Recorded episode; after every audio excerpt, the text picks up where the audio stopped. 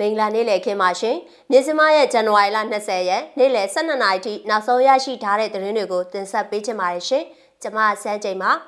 KIA တပ်မဟာ3ဗမော်ခရိုင်မှာစစ်ကောင်စီနဲ့ KIA ကြားတိုက်ပွဲဖြစ်ပွားပြီးတပ်မဟာ8နဲ့9မှာလည်းစစ်ကောင်စီကလေကြောင်းကနေတိုက်ခိုက်ပြီးတော့လက်နက်ကြီးတွေနဲ့ပစ်ခတ်တဲ့သတင်း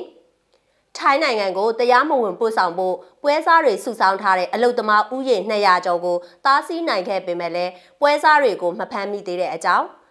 ဝက်လက်အရတော်လမ်းမှာစစ်တပ်နဲ့တင်စစ်ကောင်စီရင်မိုင်းဆွဲတိုက်ခိုက်ခံရတဲ့တဲ့ရင်အဆရှိတဲ့တဲ့ရင်တွေနဲ့တူနိုင်ငံတကာတဲ့ရင်ကိုလည်းတင်ဆက်ပေးသွားမှာပါရှင်။ကချင်လွတ်လပ်ရေးတပ်မတော်တပ်မဟာ3လှုပ်ရှားနယ်မြေဗမော်ခရိုင်မှာဇန်နဝါရီလ18ရက်မှာအကြံဘက်စစ်ကောင်စီနဲ့ KIA တပ်ရင်း29ကြားတိုက်ပွဲဖြစ်ပွားကြောင်းတပ်မဟာ8အင်းတော်ကြီးဒေသကိုစစ်ကောင်စီကလေကြောင်းနဲ့ပစ်ခတ်တိုက်ခိုက်တယ်လို့တပ်မဟာကိုဖားကန်ဒေသမှာလည်းစစ်ကောင်စီကလက်နက်ကြီးလက်နက်ငယ်တွေနဲ့ပစ်ခတ်ခဲ့ကြောင်းသတင်းရရှိပါရယ်။ဇန်နဝါရီလ18ရက်မနက်9:00မိနစ်20ခန့်မှာအင်အား100ခန့်ပါဝင်တဲ့စစ်ကောင်စီရဲ့ခလာရ223တပ်ဖွဲ့နဲ့ KIA တပ်ရင်း29ကြားဂွန်ဂရွန်ယန်ကျေးရွာနဲ့ဘန်ကောကျေးရွာကြားမိနစ်40ခန့်တိုက်ပွဲဖြစ်ပွားခဲ့ကြောင်းသိရှိရပြီးနှစ်ဖက်ကြဆုံးထိခိုက်မှုကိုကနအူးမသိရှိရသေးပါဘူး။အကြမ်းဖက်စစ်ကောင်စီတပ်ဟာ KIA တပ်မဟာရှင်နယ်မြေမိုးသားကြီးကျေးရွာကိုမနေ့ကမွန်းလွဲ2နာရီခွဲခန့်မှာဂျက်တိုက်လေယာဉ်2စီးနဲ့ဘုံကျဲတိုက်ခိုက်ခဲ့ကြောင်း KIA တပ်မဟာကိုတက်ရင်44ထိန်းချုပ်နယ်မြေမရွန်ဘုံဒေသမှာလည်းမနေ့ကည8နာရီခွဲခန့်မှာစစ်ကောင်စီရဲ့ခမာရ383 384တပ်ရင်းတွေက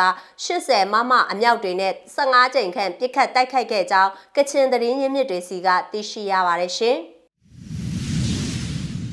ထိုင်းနိုင်ငံကိုတရားမဝင်ပို့ဆောင်မှုပွဲစားတွေစုဆောင်းထားတဲ့အလုတ်သမားဥယျာဉ်200ကျော်ကိုတားဆီးနိုင်ခဲ့ပေမဲ့လည်းပွဲစားတွေကိုတော့ဖမ်းဆီးရမိခြင်းမရှိသေးကြောင်းဇန်နဝါရီလ19ရက်မှာမြန်မာပြည်ပအလုတ်ကိုင်ဝန်ဆောင်မှုလုပ်ငန်းရှင်များအဖွဲ့ချုပ် MOEAF ကထုတ်ပြန်ထားပါတယ်။ ဇန်နဝါရီလ16ရက်မှာရွှေတကုံစီတီတော်အရှိဘတ်မုတ်ဘုံတော်ကြီးကျောင်းတစ်ခုမှာပွဲစား3ဦးကစုဆောင်းထားတဲ့ယောက်ျားမိန်းမစုစုပေါင်းဥယေ160ကျော်နဲ့ဇန်နဝါရီလ18ရက်မှာဒဂုံမြို့တစ်မြောက်ပိုင်းမြို့နယ်53ရက်ကွက်မင်းရဲကျော်စွာလန်းကအဆောင်တစ်ခုမှာပွဲစားတွေကစုဆောင်းထားတဲ့ယောက်ျားမိန်းမ52ဦးတို့ကိုရှာဖွေတွေ့ရှိခဲ့ပြီးအဲ့ဒီပွဲစားတွေကိုဖမ်းမိခြင်းမရှိသေးကြောင်းထုတ်ပြန်ထားပါတယ်။အဆိုပါဖြစ်စဉ်နဲ့ပတ်သက်လို့ MOEAF မှဒုတိယဥက္ကဋ္ဌဦးပီတာညွန့်မောင်ကကိုသွားတဲ့ချိန်ကျတော့ပွဲစားတွေကသတင်းရလို့ပဲလားဘလို့လဲတော့မသိဘူးပွဲစားတွေကမရှိတော့ဘူးတချို့ကလေးတွေဆိုရင်ပတ်စံတဝက်ပေးထားတယ်တချို့ကအပြည့်ပေးထားပြီးကြပြီအဲ့လိုဖြစ်နေတဲ့ကလေးတွေအားလုံးကိုတတ်နိုင်သမျှတော့အချက်လက်တွေအကုန်လုံးပြန်အပ်ပြီးသူတို့နေရက်ကိုပြန်ပို့ပေးဖို့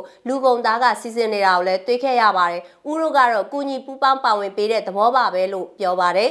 ကျွန်တော်တို့ကတော့ဝမ်တွင်းနယ်ကဖြစ်ပါတယ်ထိုင်းကိုလေရင်နဲ့တက်ရမယ်ဆိုလို့320ပေးခဲ့ရပါတယ်ရန်ကုန်ရောက်နေတာ10ရက်ကျော်ကြာပါပြီပွဲစားကတော့ထွက်ပြေးသွားပါပြီ passport နဲ့ပတ်စံတွေပြန်ရအောင်ကူညီပေးပါလို့ရှစ်တကောအရှိဘတ်မုတ်ဖြစ်စဉ်မှာအလိန်ခံခဲ့ရတဲ့လူငယ်တအုပ်က MOEAF ကိုပြောထားတာကိုလည်းထုတ်ပြန်ချက်မှာဖော်ပြထားပါတယ်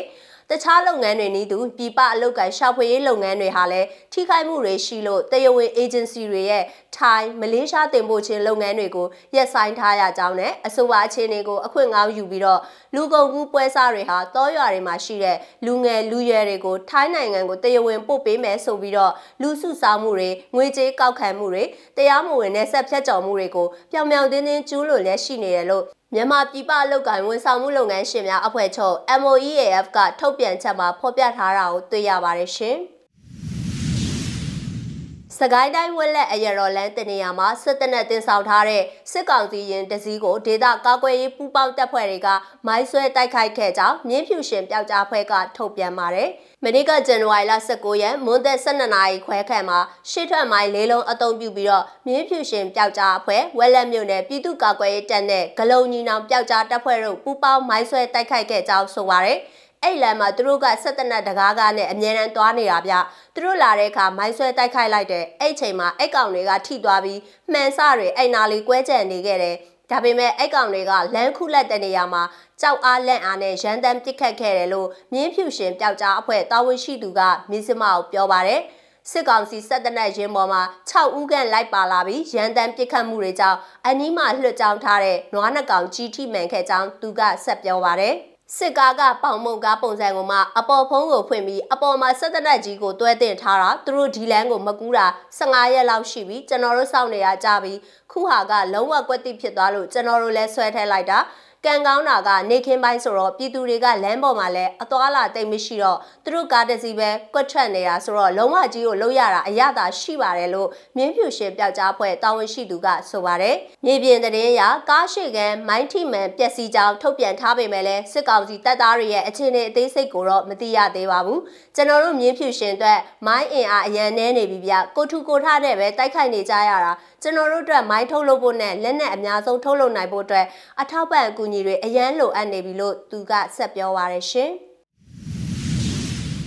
နိုင်ငံတကာဘက်မှာတော့ပထမဆုံး Tuskegee တိုက်လေယာဉ်မှူး Charlie Mackey အသက်တရားနဲ့ကွယ်လွန်သွားတဲ့အကြောင်းကိုကြည့်ရှုနားဆင်ကြရအောင်ပါရှင်။ Tuskegee Airman လို့လူသိများတဲ့ All Black ပြန်တဲ့တပ်ဖွဲ့ရဲ့သူရဲကောင်းအဖွဲ့ဝင်တူဖြစ်လာချိန်မှာစစ်ဖက်ဆိုင်ရာလူမျိုးရေးခွဲခြားမှုနဲ့ရင်ဆိုင်ခဲ့ရတဲ့ American တိုက်လေယာဉ်မှူး Charlie Maggie ဟာအသက်102နှစ်အရွယ် January လ16ရက်တနင်္ဂနွေနေ့မှာကွယ်လွန်အနှိစ္စရောက်ခဲ့ပြီလို့တေဝန်ထုတ်ပြန်ချက်များအရသိရှိရပါတယ်။ဒီကနေ့မှာ American ရဲ့သူရဲကောင်းတူဆုံးရှုံးလိုက်ရပါတယ်လို့ပန်တဂွန်စစ်ဌာနချုပ်ကိုဦးဆောင်ခဲ့တဲ့ပထမဆုံး African American တူဖြစ်သူကာကွယ်ရေးဝန်ကြီး Lloyd Austin ကပြောကြားလိုက်ပြီးကြော်ကြားတဲ့စစ်စင်ရေးရဲ့နောက်ဆုံးကြံရည်သူအဖွဲ့ဝင်တွေကတူဖြစ်တဲ့လေရင်မှုအကြောင်းကို၎င်းရဲ့ Twitter ကနေဖွင့်ဟချီးကျူးခဲ့ပါတယ်။သူ့ကိုဆုံးရှုံးလိုက်ရလို့စိတ်မကောင်းဖြစ်မိပေမဲ့သူ့ရဲ့ဆွန့်လွတ်ဆွန့်စားမှုပေးဆက်မှုနဲ့ကိုကျင့်သိက္ခာအတွက်ကျွန်တော်မယုံနိုင်လောက်အောင်ကိုကျေးဇူးတင်မိပါတယ်လို့အော်စတင်ကထပ်လောင်းပြောကြားခဲ့ပြီးအေးချမ်းပါစေဗိုလ်ချုပ်လို့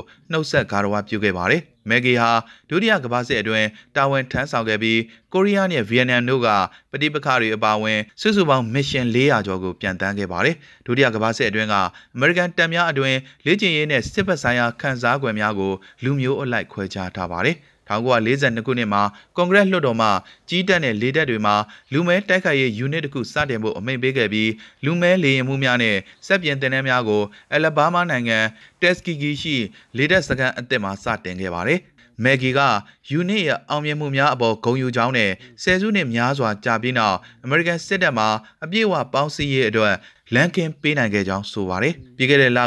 ၎င်းရဲ့အသက်102နှစ်မြောက်မွေးနေ့အထိမ်းအမှတ်အဖြစ်နိုင်ငံအတွက်တာဝန်ကျေပွန်စွာထမ်းဆောင်ခဲ့မှုတွေအပေါ်ကျေးဇူးတင်ကြောင်းဖုံးဆက်ပြောကြားခဲ့တဲ့ American ဒုသမ္မတကမ်မလာဟဲရစ်ကိုသူဟာမင်္ဂလာဆောင်ပြီးနောက်ရက်မှာစတင်အမှုထမ်းခဲ့တာဖြစ်ကြောင်းပြန်လည်ပြောကြားခဲ့ပါတယ်။မက်ဂီဟာ2009ခုနှစ်မှာနိုင်ငံရဲ့အမြင့်ဆုံးအရသာစုဖြစ်တဲ့ Congressional Gold Medal ဆုကိုဆုချီးမြှင့်ခဲ့တဲ့ UNIT ရဲ့ကြံရည်သူအဖွဲ့ဝင်တွေထဲမှာပါဝင်ခဲ့ပြီးတက်မတော်အတွင်းပြုပြင်ပြောင်းလဲရေးကိုလှုံ့ဆော်ပေးခဲ့တဲ့၎င်းတို့ရဲ့ထူးခြားတဲ့စစ်ရေးမှတ်တမ်းကိုဂုဏ်ပြုခဲ့ပါတယ်။2020ခုနှစ်မှာသမ္မတဒေါ်နယ်ထရန့်ကတိုက်လေရင်မှုတွေအတွက်နိုင်ငံတော်အဆင့်ဂုဏ်ပြုပွဲတက်ရောက်ဖို့မက်ဂီကိုဖိတ်ကြားခဲ့ပါတယ်။ဒီပွဲမှာထရန့်ကမက်ဂီကိုဗိုလ်မှူးချုပ်အဆင့်သို့တိုးမြှင့်ပေးခဲ့ပါတယ်။ မင်းစမရဲ့ဇန်နဝါရီလ20ရက်နေ့လယ်12နာရီထိနောက်ဆုံးရရှိထားတဲ့သတင်းတွေကိုတင်ဆက်ပေးခဲ့တာပါကြည့်ရှုအားပေးတဲ့အတွက်ကျေးဇူးအထူးတင်ရှိပါတယ်မြန်မာပြည်သူတွေဘေးရန်တဲ့ပေါင်းကကင်းဝေးကြပါစေရှင်